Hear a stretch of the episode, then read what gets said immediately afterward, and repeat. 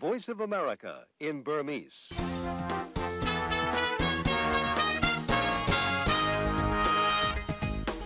မင်္ဂလာပါရှင်။ VOA American အတန်ရဲ့2021ခုနှစ်စက်တင်ဘာလ30ရက်ကြာသပတေးနေ့နေ့နဲ့ခင် VOA မြန်မာပိုင်းအစီအစဉ်ကို American ပြည်ထောင်စု Washington DC ကနေစတင်ထုတ်လွှင့်နေပါပြီရှင်။ မအင်ဂျင်နိုင်ပါ VOA မြန်မာပိုင်းအစီအစဉ်တွေကိုရေဒီယိုပြင်ရုပ်သံနဲ့ပါဖြည့်ဆွက်တင်ဆက်နေပါတယ်။လိုင်းတိုမီတာ24 40 52တို့အပြင်လိုင်းလက်မီတာ190 kHz 1505တို့ကနေဖမ်းယူနားဆင်နိုင်ပါတယ်။မင်္ဂလာပါခင်ဗျာကျွန်တော်အောင်လင်းဦးပါအာဖဂန်နစ္စတန်နိုင်ငံကနေအမေရိကန်တပ်တွေရုပ်သိမ်းတဲ့အစီအစဉ်ပေါ်ကွန်ဂရက်လွှတ်တော်မှာဒုတိယနေ့ဖြစ်ကြားနာရမှာတော့အခြေတင်ငင်းကုန်တွေဖြစ်ခဲ့တဲ့တဲ့ ဘင်္ဂလားဒေ့ရှ်မှာဒုက္ခသည်စခန်းထဲမှာတနက်သမားတွေလက်ချက်နဲ့ထင်ရှားတဲ့ရိုဟင်ဂျာခေါင်းဆောင်တယောက်သေဆုံးသွားတဲ့တဲ့စတဲ့ထိတ်တန့်ရောက်မြန်မာနဲ့နိုင်ငံတကာသတင်းတွေကိုကိုဇော်မိုးကျော်နဲ့တူပြောပြပေးသွားမှာပါကောင်းပါပြီရှင်သတင်းစီစဉ်နောက်ပိုင်းမှာလည်းဒီဘင်္ဂလားဒေ့ရှ်ကရိုဟင်ဂျာဒုက္ခသည်ခေါင်းဆောင်တေဆုံးမှုနဲ့ပတ်သက်လို့ဘင်္ဂလားဒေ့ရှ်အစိုးရကို HRW ကဝေဖန်လိုက်တဲ့အကြောင်းနားဆင်ရဖို့ရှိပါတယ် And he had said to me at that point that he wanted the world to help him. And I had said to him, အဲ့ဒီချိန်က W ရဲ့တောင်အာရှရေးရာညွှန်ကြားရေးမှူးက VOA ကိုပြောသွားတာပါနောက်ပိုင်းမှာအပြည့်စုံတင်ဆက်ဖို့ရှိပါတယ်ဒါအပြင်မြန်မာကြက်ငွေတန်ဖိုးကျဆင်းမှုကြောင့်ဖြစ်လာနိုင်တဲ့ရိုက်ခတ်မှုတွေကိုလည်းတင်ပြမှာပါနောက်ပိုင်းမှာတော့ဥကျော်စံတာရဲ့မြန်မာအရေးသုံးသက်ချက်အားကစားကဏ္ဍလူထုနဲ့ကျန်းမာရေးစတဲ့အပတ်စဉ်ကဏ္ဍတွေကိုတင်ဆက်မှာပါရှင်အခုတော့နောက်ဆုံးရမြန်မာနဲ့နိုင်ငံတကာသတင်းတွေကိုကိုအောင်လွင်ဦးနဲ့ကိုစော်မှုကျော်တို့ကတင်ဆက်မှာပါ အာဖဂန်နစ္စတန်နိုင်ငံမှာနှစ်ပေါင်း20ကြာစစ်ပွဲအဆုံးသတ်ပြီးတပ်ဖွဲ့တွေရုပ်သိမ်းတဲ့အစီအစဉ်ပေါ်အမေရိကန်ကွန်ဂရက်လွှတ်တော်မှာဒုတိယနေ့ဖြစ်ဗိုလ်မှူးနေ့ကကြားနာရမှာအခြေတင်ငင်းကုန်တဲ့ဖြစ်ခဲ့ပါတယ်။ကြားနာပွဲမှာလွှတ်တော်အမတ်တချို့က အမေရိကန်အစစ်မြင့်အရာရှိတွေယာရုကထွက်ဖို့တောင်းဆိုခဲ့သလိုအခက်အခဲကြားကအကောင်းဆုံးဆောင်ရွက်နိုင်ခဲ့တယ်ဆိုပြီးချီးကျူးသူတွေလည်းရှိခဲ့ကြတာပါအမေရိကန်စစ်ဘက်ဆိုင်ရာအရာရှိတွေရဲ့အကြံပြုချက်တွေကိုစန့်ကျင်ပြီးပြီးခဲ့တဲ့လထဲတပ်တွေရုပ်သိမ်းတယ်ဆိုပြီးသမ္မတဂျိုးဘိုင်ဒန်အစိုးရကိုပြင်းပြင်းထန်ထန်ဝေဖန်သူတွေထဲမှာတော့အတိုက်အခံ Republican ကိုယ်စားလှယ်တွေအများစုပါဝင်ကြပါတယ်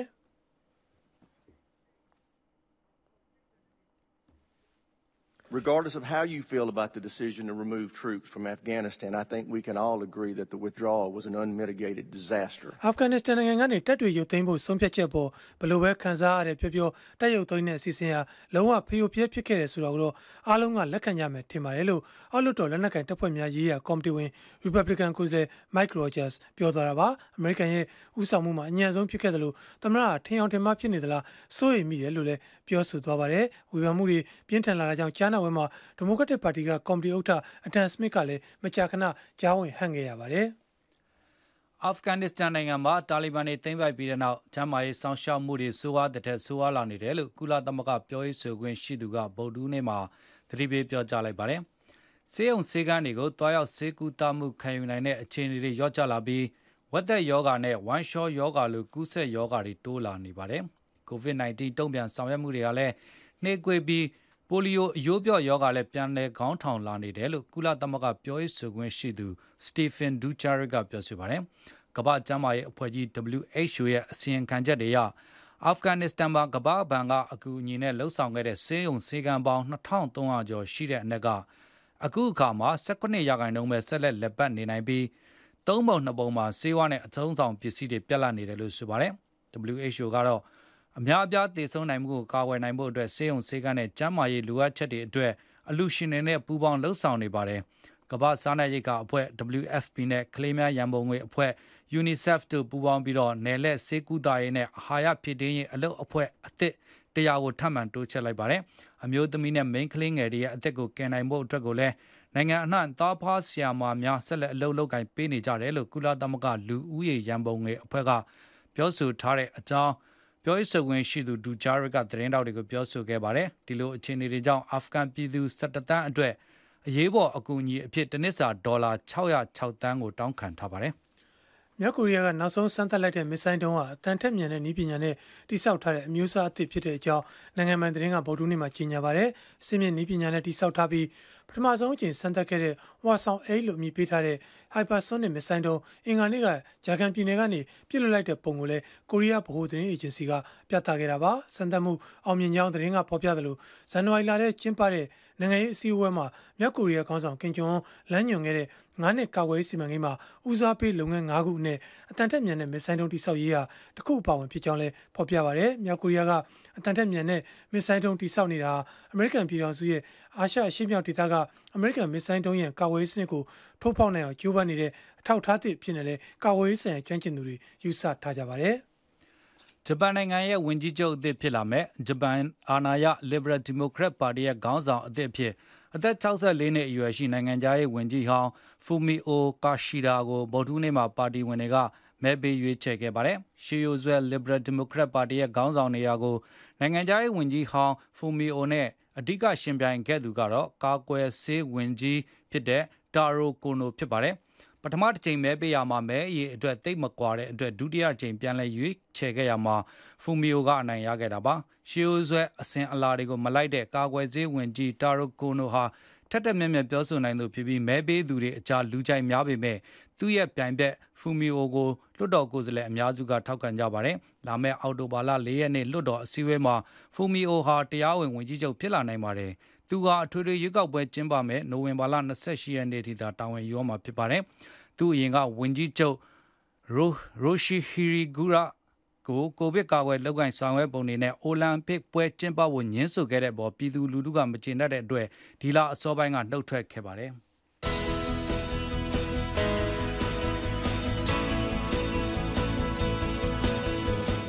VOA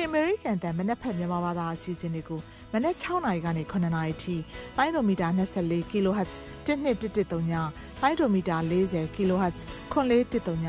လိုင်းဒိုမီတာ51 kHz 9895နဲ့လိုင်းလမီတာ190 kHz 1505တို့ကနေထုတ်လွှင့်ပေးနေပါတယ်ရှင်။ VOA American အတန်မြန်မာပိုင်းစီစဉ်ရဲ့ကြာသပတေးနေ့မနက်ခင်းသတင်းတွေကိုနားဆင်နေရတာဖြစ်ပါတယ်။ ဘင်္ဂလားဒေ့ရှ်နိုင်ငံဒုက္ခသည်စခန်းမှာတနတ်သမားတွေလက်ချက်နဲ့ထင်ရှားတဲ့ရိုဟင်ဂျာခေါင်းဆောင်တယောက်သေဆုံးသွားပါတယ်။ငြိမ်းချမ်းရေးနဲ့ လူခွင့်ရေးဆိုင်ရာရခိုင်ပြည်နယ်ကရိုဟင်ဂျာအဖွဲ့အစည်း ARPSH ဥက္ကဋ္ဌဦးမိုဟစ်ဦးလာကိုဗုဒ္ဓနေ့ညနေပိုင်းမှာတနတ်သမားတွေအနိကပြစ်သွားခဲ့တာလို့လည်းအဖွဲ့ရဲ့ပြောခွင့်ရသူကိုကိုကပြီး AFP သတင်းကဖော်ပြခဲ့တာပါပြစ်ခတ်ခံခဲ့ရပြီးနောက်ဒုက္ခသည်စခန်းတွေကနေစည်းမချဆရာဝန်များအဖွဲ့ MSF ရဲ့စီကံကိုတည်သွားပြီမဲ့တနတ်တန်ရနဲ့တည်ဆုံသွားခဲ့တဲ့အကြောင်းလည်းသတင်းကဖော်ပြပါတယ်တည်ဆုံသွားတဲ့ဦးမိုဟစ်ဦးလာဟာရိုဟင်ဂျာတွေဆုလိုက်ပြုံလိုက်ထွက်ခွာခဲ့ရတဲ့အခြေအနေတွေကိုနိုင်ငံတကာကအာယုံစိုက်မှုရအောင်ကြိုးပမ်းမှုတွေအတွက်ထင်ရှားသူတူအဖြစ်2019ခုနှစ်မှာအမေရိကန်သမ္မတအင်ဖြူတော်ဘာသာရေးလွတ်လပ်ခွင့်အခမ်းအနားကိုတက်ရောက်ခဲ့ပြီးအဲ့ဒီအချိန်ကသမ္မတဒေါ်နယ်ထရန့်နဲ့လည်းတွေ့ဆုံခဲ့ဥပါတယ်ရိုဟင်ဂျာခေါင်းဆောင်တည်ဆုံရတဲ့အတွက်အလွန်မင်းဝမ်းနည်းကြောင်းနဲ့ဒုက္ခသည်စခန်းတွေမှာငြိမ်းချမ်းရေးနဲ့လုံခြုံရေးအတွက်တာဝန်ရှိသူတွေနဲ့ဆက်သွယ်နေတဲ့အကြောင်းလဲဒုက္ခသည်များဆိုင်ရာကုလသမဂ္ဂမဟာမင်းကြီးယုံ UNHCR ပြောခွင့်ရက AFP သတင်းဌာနကိုပြောဆိုခဲ့ပါတယ် ဖေဖော်ဝါရီလတရက်နေ့စစ်တပ်အာဏာသိမ်းပြီးနောက်ဖြစ်ပေါ်လာတဲ့မြန်မာနိုင်ငံကနိုင်ငံရေးအကြက်အတဲကိုနိုင်ငံတကာအတိုင်းအဝိုင်းအနေနဲ့အလင်းအမြန်တုံ့ပြန်ဆောင်ရွက်ကြဖို့ကုလသမဂ္ဂအထွေထွေမှုချုပ်အန်တိုနီယိုဂူတာရက်စ်ကဗုဒ္ဓဟူးနေ့မှာထုတ်ပြန်တိုက်တွန်းလိုက်ပါတယ်မြန်မာနိုင်ငံကိုဒီမိုကရေစီအသွင်ကူးပြောင်းရေးလမ်းကြောင်းပေါ်ကိုပြန်လည်ရောက်ရှိအောင်နိုင်ငံတကာနဲ့ဒေသဆိုင်ရာအတိုင်းအဝိုင်းအနေနဲ့တနည်းတမျိုးထဲမြန်မြန်ဆန်ဆန်အင်တိုက်အားတိုက်ဝမ်းဝမ်းလှုပ်ဆောင်ကြဖို့ကုလသမဂ္ဂတွင်မှုချုပ်ကတိုက်တွန်းထားပါတယ်။ စစ်တပ်ကအာဏာသိမ်းချုပ်ကင်ထားတဲ့အတွက်ရိုဟင်ဂျာမွတ်စလင်တွေနဲ့တိုင်းရင်းသားလူနည်းစုတွေရဲ့အခွင့်အရေးတွေအတွက်လှုံ့ဆော်ဖို့ဟာအလွန်ခက်ခဲသွားမှာကိုစိုးရိမ်မိတယ်လို့လည်းအတွင်းမှုချုပ်ကဖော်ပြထားပါတယ်။ဗုဒ္ဓနေ့ကထုတ်ပြန်တဲ့အစည်းအဝေးခန်းစာဟာဩဂုတ်လ31ရက်နေ့နေစွဲနဲ့အတည်ပြု ထားပြီးသားဖြစ်ပါတယ်။စီရင်ခံစာကိုနိုင်ငံပေါင်း119နိုင်ငံကထောက်ခံတည်ပြုခဲ့တာဖြစ်ပြီးတရုတ်နိုင်ငံအပါအဝင်နိုင်ငံပေါင်း36နိုင်ငံကကန့်ကွက်ထားပါတယ်။ဘယ်လာရုစ်နဲ့အခြားနိုင်ငံတနိုင်ငံကတော့မဲမပေးဘဲနေခဲ့ပါတယ်။ဘင်္ဂလားဒေ့ရှ်မှာရောက်ရှိနေတဲ့ရိုဟင်ဂျာမွတ်စလင်တွေအပါအဝင်အကူအညီအထောက်ပံ့လိုအပ်နေသူတွေအတွက်လူသားချင်းစာနာမှုအထောက်အပံ့တွေကိုလည်းအလင်းအမြန်ပေးကြဖို့တိုက်တွန်းထားပါတယ်။ ဗြိတိန်နိုင်ငံကစီစဉ်နေမှာစီပြက်လက်မှုတွေကိုဖြေရှင်းနိုင်မှုစစ်တပ်ကစီတင်ကားတွေကိုမောင်းပြီးပို့ဆောင်ပေးမယ့်အကြောင်းစီးပွားရေးဝန်ကြီးကပြောလိုက်ပါတယ်ဗြိတိန်မှာထရက်ကားမောင်းသမားတသိန်းလောက်ပြက်လက်နေတာသတင်းတစ်ပတ်လောက်ရှိလာရကကုမ္ပဏီတွေစီစဉ်တွေကိုစင်တီစီတင်ပို့ဖို့အခက်အခဲကြုံခဲ့ရပြီးတဲ့နောက်မှာအခုလိုစီစဉ်ထားတဲ့အကြောင်းစီးပွားရေးဝန်ကြီးကွာစီကွာတန်ကစစ်တပ်အခုလိုပြောဆိုလိုက်တာဖြစ်ပါတယ် I think in the next couple of days uh, people will see um, some some soldiers driving မကြာခင်ရက်အနှဲငယ်အတွင်းမှာစစ်သားတွေမောင်းတဲ့စီတင်ကားတန်းကြီးတွေကိုလူတွေတွေ့ရပါလိမ့်မယ်လို့ဗြိတိန်စီးပွားရေးဝန်ကြီးကပြောဆိုသွားတာပါ။လောင်စာဆီပြက်လက်မှုအခြေအနေဟာအခုကတည်ငြိမ်မှုရှိပြီလို့ယူဆကြောင်းနဲ့အင်္ဂါနေ့ကစလို့ဝယ်လိုအားနဲ့ဖြန့်ပြမှုတွေညီတူညီမျှဖြစ်လာတဲ့အကြောင်းလည်းပြောဆိုခဲ့ပါတယ်။ COVID-19 ရောဂါပိုးကြောင့်စီးကျိုရောဂါဖြစ်နိုင်ကြောင်းသုတေသီတွေကတွေ့ရှိခဲ့ပါတယ်။ ကိုဗစ်ရောဂါပိုးဟာသွေးအတွင်းသကြားဓာတ်ကိုလျော့ကျစေတဲ့အင်ဆူလင်ဟော်မုန်းထုတ်လုပ်တဲ့ pancreas ခေါ်မုတ်ချုံအိတ်ကိုပျက်စီးစေတဲ့အတွက်စီးကျိုရောဂါဖြစ်နိုင်ွယ်ရှိကြောင်းအီတလီနိုင်ငံက Siena တက္ကသိုလ်ရဲ့လေ့လာမှုတစ်ခုကတွေ့ရှိခဲ့ပါတယ်။ကိုဗစ်ရောဂါပိုးဟာ pancreas မှာရှိတဲ့ cell တွေရဲ့မျက်နှာပြင်မှာရှိတဲ့အင်ဇိုင်းတွေကိုတိုက်ခတ်ဖျက်ဆီးတဲ့အတွက် pancreas ပျက်စီးနိုင်တယ်လို့ဆိုပါတယ်။ဒီကြားလေ့လာမှုတစ်ခုဖြစ်တဲ့ American ပြည်ထောင်စု New York Weill Cornell ဆေးသုတေသနဌာနရဲ့တွေ့ရှိချက်အရကိုဗစ်ရောဂါ ဘီတာဆဲလ်တွေကိုတိုက်ခိုက်တဲ့အတွက်ခန္ဓာကိုယ်အတွင်းသကြားဓာတ်ကိုဖြည့်ဆည်းနိုင်တဲ့အင်ဆူလင်ဟော်မုန်းထုတ်ကြကျဆင်းတာကိုတွေ့ရတယ်လို့ဆိုပါတယ်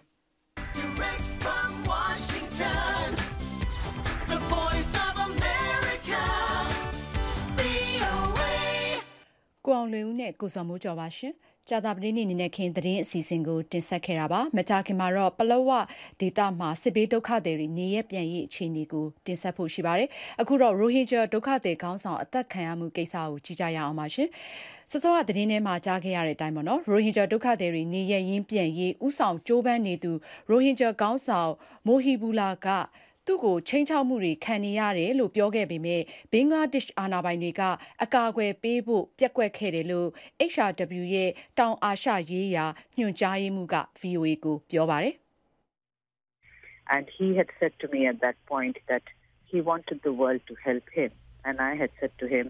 အဲ့ဒီချိန်မှာကဘာကြီးအနေနဲ့ သူ့ကို ကူညီစေခြင်းတယ်လို့ ကျမကို ပြောပါတယ်။ကျမကလည်း သူ့ကို ပြန်ပြောတာကဘလို့အကူအညီတွေ လိုအပ်နေတယ်လဲဆိုတာကဘာတိအောင် ထုတ်ဖော်ပြောဆိုတင်တယ်လို့ အကြံပေးခဲ့ပါတယ်။ဒါကို သူက အလေးနဲ့ထားပါတယ်။ရိုဟင်ဂျာ ဒုက္ခသည်တွေကို ကိုစားပြုတဲ့ အဖွဲ့အစည်းတစ်ခု ထူထောင်ပြီး ငြိမ်းချမ်းတဲ့နီးလန်းနဲ့ ဆောင်ရွက်ခဲ့တယ်လို့အမေရိကန်ပြည်ထောင်စုကို ကိုယ်တိုင်လာရောက်ပြီး ရိုဟင်ဂျာ ဒုက္ခသည်တွေအရေး ပြောဆိုခဲ့ပါတယ်။ဒီကနေ့ သူ အသက်ခံလိုက်ရတာဟာ ဘာကြောင့်လဲဆိုရင် မိုဟီဘူလာကို ဒုက္ခသည်စခန်းတွေမှာရှိနေတဲ့အုပ်စုအသီးသီးကတပ်ဖြတ်မယ်လို့ချိန်ချောက်မှုတွေရှိနေတာကို သူကိုယ်တိုင် မကြာခဏ သတိပေးပြောဆိုခဲ့ပေမဲ့ဘင်္ဂလားဒေ့ရှ်အာဏာပိုင်တွေက ဒါကို အလေးထားစစ်ဆေးမှုတွေ မလုပ်ခဲ့သလို သူ့ကိုလည်း အကာအကွယ်မပေးခဲ့ပါဘူး တကယ့်ကိုကန်ဆိုးတဲ့ဖြစ်ရပ်ပါလို့ ပြောသွားတာပါ ဒါ့အပြင် မိုဟီဘူလာ အပါအဝင်တခြား ရိုဟင်ဂျာအရေး လှုပ်ရှားသူတွေ မကြာခဏ ထုတ်ဖော်ပြောဆိုခဲ့တာတွေက သူတို့ အသက်အန္တရာယ်တွေချင်းချောက်ခံနေရတယ်လို့ဘင်္ဂလားဒေ့ရှ် အာဏာပိုင်တွေဘက်ကလည်း သူတို့အပေါ် ဖိအားပေးမှုတွေ ရှိနေတယ်လို့ ပြောခဲ့ကြကြောင်းမီနာကရှိကန်ဂူလီကပြောပါတယ်။ဒါကြောင့် ဒီအခြေအနေတွေ ပြောင်းလဲဖို့ လိုအပ်နေကြောင်းနဲ့ ဘင်္ဂလားဒေ့ရှ် အာဏာပိုင်တွေအနေနဲ့ သူတို့ကို အကာအကွယ်ပေးသင့်တယ်လို့ ဆိုပါတယ်။ And what needs to change now is for Bangladesh to recognize ရိုဟင်ဂျာဒုက္ခသည်တွေအနေနဲ့ သူတို့တကယ်လိုလားနေတဲ့ ကိုယ့်နေရက်ကို လုံခြုံစွာပြန်နိုင်ရေးအတွက် ထုတ်ဖော်ပြောဆို စည်းရုံးလှုပ်ရှားမှုတွေမှာ အခွင့်အရေး အပြည့်အဝရှိတယ်လို့ဒီအတွက်လည်း လုံခြုံမှုရှိရမယ်ဆိုတာကို ဘင်္ဂလားဒေ့ရှ်အာဏာပိုင်တွေဘက်ကအတိမတ်ပြုရမှာဖြစ်ပါတယ် လို့ ပြောသွားတာပါ။မိုဟီဘူလာ အသက်ခံရမှုကို ဘင်္ဂလားဒေ့ရှ်အာဏာပိုင်တွေအနေနဲ့ ချက်ချင်းစုံစမ်းစစ်ဆေးပြီး မျှမျှတတ ပွင့်လင်းမြင်သာမှုရှိရှိနဲ့ ပြစ်မှုကျူးလွန်သူတွေကို အရေးယူဖို့ မျှော်လင့်ကြောင်းမီနာကရှိဂန်ဂူလီကပြောပါတယ် တနက်သမားတွေရဲ့လက်ချက်နဲ့တေဆုံးခဲ့တဲ့ မိုဟီဘူလာဟာ ရိုဟင်ဂျာတသန်းနီးပါးရှိနေတဲ့ ဘင်္ဂလားဒေ့ရှ် ဒုက္ခသည်စခန်းတွေမှာ ခေါင်းဆောင်မှုအခမ်းကဏ္ဍက ပါဝင်ခဲ့သူဖြစ်ပါတယ်။ သူဟာ ရိုဟင်ဂျာဒုက္ခသည်တွေ ဂုံတိတ်ခါရှိရှိ နေရပြန်ရေး ဒုက္ခသည်စခန်းတွင်ထုတ်ဖော်တဲ့ ဆန္ဒပြပွဲတွေကိုဥဆောင်ခဲ့သူဖြစ်တယ်လို့ဘင်္ဂလားဒေ့ရှ်အစိုးရက ရိုဟင်ဂျာဒုက္ခသည်စခန်းတွေမှာ အင်တာနက်သုံးလို့မရအောင် တစ်နှစ်ကြာ ဖြတ်တောက်ခဲ့တာကို အကြီးအကျယ် ထုတ်ဖော်ဆန္ဒပြမှုမှာဥဆောင်ခဲ့သူဖြစ်တယ်လို့မီနာကရှိကန်ဂူလီကပြောပါတယ်။ အခုလို မိုဟီဘူလာ အသက်ခံရမှုကို နိုင်ငံတကာအတိုင်းဝိုင်းအနေနဲ့ စာနာကြောင်း ပြသတဲ့အနေနဲ့ ရိုဟင်ဂျာ ဒုက္ခသည်တွေ နေရရင်ပြန်ရေးကိစ္စမှာ အားလုံး ပါဝင် ကူညီဆောင်ရွက်ကြဖို့လေသူက တိုက်တွန်းသွားပါတယ်ရှင်။ဒါကတော့ပြစ်သက်ခံခဲ့ရတဲ့ ရိုဟင်ဂျာကောင်းဆောင် မိုဟီဘူလာနဲ့ ကိုရိုင်းဒီ2018ခုနှစ်က တွေ့ဆုံခဲ့တဲ့ HRW က တောင်အာရှရေးရာ ညွှန်ကြားရေးမှူးမန်ခရှိဂန်ဂူလာကို VOA က ဆက်သွယ်မေးမြန်းခဲ့တာပါရှင်။ အခုတော့ကျမတို့ဒီပလောဝကစစ်ဘေးဒုက္ခသည်တွေရဲ့အခြေအနေကိုတင်ပြမှာပါ။ချင်းပြည်နယ်ပလောဝမြို့နယ်မှာရှိတဲ့စစ်ဘေးဒုက္ခသည်တွေနေရပြန်ဖို့ပြည်내ကောင်စီဘက်ကဆောင်ရွက်နေပေမဲ့စစ်ဘေးဒုက္ခသည်တွေအနေနဲ့နေရပြန်ဖို့အရေးစိုးရိမ်နေကြပါတယ်။ဒါအပြင်ပလောဝမြို့နယ်မှာလက်ရှိအချိန်ထိကုန်းလန်းရေလန်းတွေကိုစစ်တပ်ကထိန်းချုပ်ထားပါတယ်။ရန်ကုန်ကလာတဲ့သတင်းအပြည့်အစုံကိုတော့နန်းလောင်ကပြောပြမှာပါရှင်။ အင်တာနက်ဝန်ဆောင်မှုယာယီရပ်ဆိုင်းခံထားရတဲ့ပလက်ဝမြို့နယ်မှာရှိတဲ့စစ်ဘေးဒုက္ခသည်တွေကိုစစ်ကောင်စီကနေရပ်ပြန်ဖို့ဒီလအတွင်းမှာပဲညွှန်ကြားလာတယ်လို့စစ်ဘေးဒုက္ခသည်တွေကပြောပါတယ်။စစ်ဘေးဒုက္ခသည်တွေနေရပ်ပြန်ဖို့အတွက်စီစစ်ဆောင်ရွက်နေတယ်လို့လည်းပလက်ဝမြို့နယ်အုပ်ချုပ်ရေးမှူးဦးညီညီဝင်းကပြောပါတယ်။အဓိကတော့သူတို့ပြန်ဖို့အတွက်ကိုကျွန်တော်တို့ပြည်နယ်အစိုးရပေါ့နော်။နိုင်ငံတော်စီစဉ်နေတဲ့သူတို့အရင်တော့စင်းကောက်တာရှိတယ်ဗျ။ ဟိုပြန်နေမဲ့နေရာတွေမှာအဆောက်အဦတွေလုံးဝမကောင်းတာရှိရင်အစာအုပ်အသစ်ဆောက်ဖို့အတွက်ပေါ့လေအဲပြီးရင်စာအုပ်ကတချို့ပြင်ဆင်စရာရှိရင်ပြင်ဆင်တဲ့ဟာပေါ့လေအဲအဲ့ဒါနောက်တစ်ချက်ကျစာအုပ်ကောင်းရင်ကောင်းတဲ့ဟာပေါ့လေအဲအဲ့လိုမျိုးနဲ့ဟိုသုံးမျိုးလောက်ခွဲထားနေပြင်စစ်စစ်ပြီးတော့မှဟိုဘတ်ဂျက်တွေပါတင်ပြထားပြီးတော့ပေါ့နော်ဆောင်ရွက်ထားတာပေါ့လေဟိုဘတ်ဂျက်ကကျွန်တော်ရပြီပေါ့နော်ဒီနေ့ဘတ်ဂျက်ရတယ်တော့အဲသူတို့အဲရွှေပြောင်းကိစ္စကိုပြန်စစ်စစ်နေပါပြီပြပေးဖို့ပြန်လုပ်ပေးဖို့အတွက်လေ သူတို့သွားရင်လည်းသူတို့အိမ်တွေမှာလည်းစနစ်ကျနဲ့တိဆောက်ပြီးတော့ပေါ့နေလို့ရအောင်ပေါ့နော်အဲ့လိုလုပ်ပေးနေပါတယ်ခင်ဗျဟုတ်ကဲ့လောစစ်စစ်ပိုင်းစစ်စစ်ပေးနေပါတယ်ခင်ဗျဘာကြတော့ကြပါတယ်ခင်ဗျဟုတ်ကဲ့ဟုတ်ဟုတ်စစ်ဘေးဒုက္ခသည်တွေနေရပြန်နိုင်ရေးအတွက်အာဏာပိုင်တွေဘက်ကမိုင်းရှင်းလင်းပေးတာနဲ့နေအိမ်တွေကိုပြုပြင်ပေးတာတွေအပြင်အမြန်ဆုံးနေရပြန်နိုင်ရေးလှုံ့ဆော်နေတယ်လို့လည်းပလဲဝါမြို့နယ်အုပ်ချုပ်ရေးမှူးကပြောပါတယ်ဒါပေမဲ့လည်းစစ်ဘေးဒုက္ခသည်တွေအနေနဲ့ကျေးရွာအနီးအနားတွေမှာတပ်မတော်တပ်ဖွဲ့တွေတပ်ဆွဲထားတာရှိနေတာကြောင့် တိုက်ပွဲတွေပြန်ဖြစ်မှာကိုစိုးရိမ်နေကြသလိုနေရပြောင်းရင်စာဝတ်နေရေးအတွက်လည်းစိုးရိမ်မှုတွေရှိနေကြတာပါနေရပြန်ရင်ဘာလုတ်ကင်စားတော့ရမလဲဆိုတာကိုမသိသလိုတွားရေးလာရေးတွေကလည်းကန့်သက်ထားတာကြောင့်ပြန်မဲဆိုရင်တော့အဆက်ဆက်အရရစိုးရိမ်နေရတယ်လို့ပလက်ဝမြို့နယ်ကနာမည်မဖော်လို့တဲ့စစ်ဘေးဒုက္ခတဲ့သူကပြောပါတယ်နည်းနည်းအခက်အခဲရှိရကြီးကျွန်တော်တို့ဒီရွာပတ်ဝန်းကျင်မှာဆိုရင်စစ်တဲ့စစ်တဲ့တွေကပတ်ပတ်ပတ်ချတယ်ရှိတယ်အဲ့လိုမျိုးတွေပေါ့ ဒီကြဒီကြတဲ့မှာတစုံတရာပြဿနာလေးပေါ်လာလို့ရှိရင်ဟိုကိုဘက်ကိုကျွန်တော်တို့ကျွန်တော်တို့ကဟိုဟာဖြစ်တယ်ဆိုတော့ကျွန်တော်တို့ဘက်ကိုပြန်ထိလာမှာစိုးရင်တော့ပေါ့အဲအဲ့လိုမျိုးတော့ရှိတယ်အဲစိုးရင်စိုးရင်ကြတော့အများကြီးပေါ့ဟိုဘယ်လိုပြောမလဲဘက်ဘက်ကအကုန်လုံးကိုစိုးရင်တော့စာဝတ်နေရေးကိစ္စရေးပြင်လေတွန်းကိစ္စရေးပြီးတော့ဟိုသွားဒီသွားကိစ္စအကုန်လုံးစိုးရင်တော့စိုးရင်တော့ပြီးတော့ဒီကြားထဲမှာကျွန်တော်တို့ကဒီပလဲဝကြောက်တော်လမ်းနဲ့ပြောမယ်ဆိုရင်အရင်လုံးကလို့ သွားလို့လာလို့ရတဲ့အနေအထားလေးမဟုတ်ဘူးအဲ့လိုမျိုးတွေခက်ခဲတော့ရှိကြတယ်ဒါအပြင်ပလဲဝမြို့နယ်မှာကုန်းလန်းရေလန်းတွေမှာလည်းတပ်မတော်ဖက်ကအတော်အလားကန့်သက်ထားသလိုကုန်းစီစီစဉ်မှုမရှိတာတွေလည်းမရှိသလောက်နှဲပါနေတာကြောင့်ပြည်သူတွေစာနာရိတ်ခါပြက်လက်တာတွေနဲ့ရင်ဆိုင်နေရတယ်လို့လည်းပလဲဝဒေသခံတူကပြောပါတယ်။စာဝင်ဟိုဟာစာဝင်နေကတော့ကိုလုံးဝကိုအစင်မပြေတဲ့အနေထားပါပဲကို။ဘာကြောင့်လဲဆိုတော့ကျွန်တော်တို့ကဒီ ရခိုင်ပြည်နယ်ကြောက်တော်မျိုးကို မှီခိုပြီးတော့ စားတောင်းနေရတဲ့အတွက်တော့ကျွန်တော်တို့ ဒီလိုင်းစလေတွေ ဘာတွေမဆက်ဘူးဆိုတော့ ဈေးက ပြောမယ်ဆိုရင် အဆမတန်ဈေးကြီးပြီးတော့ ကျွန်တော်တို့ကစနေရတဲ့ အနေအထားဖြစ်နေတယ်အခုပြီးတော့ အခု လက်လုံလက်စားတွေကလည်း လုံးဝကို အဆင်မပြေတဲ့ အနေအထားတွေ ဖြစ်လာတယ်ဥမာ ကုံစက်လေတွေကလည်း ပုံမှန်မရှိတော့ဘူး ပြောမယ်ဆိုရင် တပတ်မှနေလို့ဥမာ စက်လေဝင်ပုတ်တွေ ရောက်တာက ပြောမယ်ဆိုရင် တပတ်မှနေလို့ဟော တရက်ရနှစ်ရက် အဲအဲ့လောက် အတိုင်းတာလောက်ပဲ ရှိနေတယ် ပြီးတော့ ကုန်ပစ္စည်းတွေကလည်း ပြက်လက်တဲ့ အနေအထားတွေပဲ တွေ့မြင်နေရတယ်ချို့ဆိုရင်ဒီကျင်းမာရေး မကောင်းလို့တောင်ကပြောမယ်ဆိုရင် ဆေးခန်းပြဖို့ဥမာ ရခိုင်ပြည်စစ်တွေတို့ ရန်ကုန်တို့ သွားမဲ့သူတွေတောင်ကပြောမယ်ဆိုတပတ်ကြိုတင် ခွင့်တင်တောင်ကဥမာ သူတို့ဖက်ကဒီတက်မဲ့တို့မဆိုရင်ဒီစက်ကောင်စီဖက်က ခွင့်ပြုချက် မပေးတာတွေကိုလည်း တွေ့မြင်နေရတယ်ကို ပလက်ဝမြို့နယ်မှာလက်ရှိချိန်ထိစစ်ဘေးဒုက္ခတွေတောင်းနဲ့ချီရှိနေပြီးတော့ပြီးခဲ့တဲ့2018အကုန်ပိုင်းလောက်ကရခိုင်လက်နက်ကင်တပ်ဖွဲ့ AA နဲ့အစိုးရတပ်တို့ကြားတိုက်ပွဲတွေကြောင့်အိုးအိမ်ဆွန့်ခွာထွက်ပြေးလာကြသူတွေလည်းဖြစ်ပါတယ်။2018ခုနှစ်နှစ်ကုန်ပိုင်းကရခိုင်လက်နက်ကိုင် AA နဲ့စစ်တပ်ကြားတိုက်ပွဲတွေဖြစ်ခဲ့အချိန်ကတည်းကပလဲဝမြို့နယ်ကရခိုင်ပြည်နယ်ထက်ကတခြားမြို့နယ်တွေစီအသွာအလာတွေကိုစစ်တပ်ကကန့်သက်ထားပါတယ်။ အထူးသဖြင့်ပလက်ဝအတွက်ကုံစီစီစဉ်ရာအဓိကဖြစ်တဲ့ကြောက်တော်မြို့နယ်ကိုသွာလာလို့မရဖြစ်နေတာကြောင့်အခက်ကြုံနေကြရတာလည်းဖြစ်ပါတယ်။နန်းလာမှာရှင်အခုတော့ကြက်ငွေတန်ဖိုးကျဆင်းမှုကြောင့်ဖြစ်လာနိုင်တဲ့ရိုက်ခတ်မှုတွေကိုကြည့်ကြရအောင်ပါ။ ICJ နိုင်ငံတကာလေ့လာရေးအဖွဲ့မြန်မာဆိုင်ရာအကြီးတန်းအကြံပေး Richard Horsey ကိုကိုဝင်းမေးကဆက်သွယ်မေးမြန်းပြီးတော့တင်ပြထားပါတယ်ရှင်။ဟုတ်ကဲ့ အခုလိုဒီကြက်ငွေရုတ်တရက်ထူကြသွားတာရဲ့ထူကြမှုကို Richard Horsey က Well it's clearly a significant move in the chart. ကြက်ငွေပြောင်းလဲကြီးမားသွားတာကရှင်းပါတယ်။ဂျုံမှုခဲ့သမျှတဲ့တရက်အတွင်းကြက်ငွေတန်မှုအကြီးမားဆုံးကျဆင်းသွားတာပါ။နောက်ခံအကြောင်းရင်းကဈေးကွက်ထဲမှာခိုင်မာတဲ့ငွေသားပြတ်သွားတာပါ။ဒါပေမဲ့အောက်ဆုံးအရင်းခံကတော့ယုံကြည်မှုပြဿနာပါ။ဒါကတကယ်ပြဿနာပါဗန်စနစ်အပေါ်အစိုးရအပေါ်အုပ်ချုပ်နေတဲ့စစ်အုပ်စုပေါ်မယုံတော့ဘူးလေဒါကြောင့်ကြက်ငွေကိုတိမ်မထားကြတော့ဘူးရှိရင်ရွှေဝယ်မယ်ခိုင်နဲ့ဒေါ်လာဝယ်မယ်နောက်တစ်ခုက ဘဏ်ထဲမှာကြက်ငွေစီးဆင်းမှုပြက်လက်တာကလည်းပြဿနာတစ်ပိုင်းပါဘဏ်ကနေငွေထိုးမရတော့ထပ်မသွားကျင်ကြတော့ဘူးငွေတွေသိမ်းထားဖို့ကလည်းလုံခြုံရေးအန်ဒရယ်ကြီးတယ်လေဘဏ်အရင်လဲငွေလဲနှုန်းကြလို့ရှုံးရပြန်ရောဟုတ်ကဲ့အဲ့ဒီတော့အရေးကြီးဆုံးသက်ရောက်မှုဆိုရင်ဘာကိုအဓိကပြောမလဲ Well, I think the generals look at the uh, chat. ဗိုလ်ချုပ်ကြီးတွေအနေနဲ့ကြက်ငွေလဲနှုန်းကိုတကယ်ကိုအနိကစောင့်ကြည့်နေမှာပါအခုငွေလဲနှုန်းကိုသူတို့တကယ်ကိုစိုးရင်ကြည့်နေကြမှာပါမြန်မာနိုင်ငံမှာရှိခဲ့တဲ့အရင်အစိုးရတိုင်းနဲ့ဒီလိုပါပဲ ဒါကိုစီးပွားရေးအလွန်ဆိုးရွားလာတာကိုပြတဲ့လက္ခဏာတစ်ခုအဖြစ်သူတို့မြင်မဲလို့ထင်ပါတယ်ဒါကလည်းမှန်ပေမဲ့ဗိုလ်ချုပ်ကြီးတွေလက်မခံချင်တာမျိုးပါအဲဒီတော့သူတို့အရန်ကိုစိုးရင်ကြည့်နေကြမယ်လို့ထင်ပါတယ်ဟုတ်ကဲ့နောက်တစ်ခုကဒီနိုင်ငံတကာဘက်ကသက်ရောက်လာနိုင်မှုပေါ့နော်ဒီနိုင်ငံတကာကုန်သွယ်ရေးဒီသွင်းကုန်ပို့ကုန်အပြင်တခြားအရေးကြီးတဲ့သက်ရောက်မှုဆိုရင်ရော Uh, politically, uh, I'm not sure that uh, outside countries. နိုင်ငံရေးရတော့မြန်မာနိုင်ငံတွေအနေနဲ့ဒီငွေလဲနှုန်းအသေးစိတ်ကိုအနိကစောင့်ကြည့်နေဖို့ကမသေးကြပါဘူး ဒါပေမဲ့ သူတို့ကြည့်မှာက တခြားစီးပွားရေး အချက်ကြီးတွေပါ ဥပမာ ကျွန်တော်တို့ ပြီးခဲ့တဲ့ ရက်ပိုင်းတွင်တွေ့ခဲ့တဲ့ စီးပွားရေး18ရာခိုင်နှုန်း ကျမယ်လို့ ADB အာရှဖွံ့ဖြိုးရေးဘဏ်က ဟောကိန်းထုတ်တာမျိုး ကမ္ဘာ့ဘဏ်ကလည်း ဒီနှစ်တည်းအရင် အလားတူ ပြောခဲ့မှုပါတယ်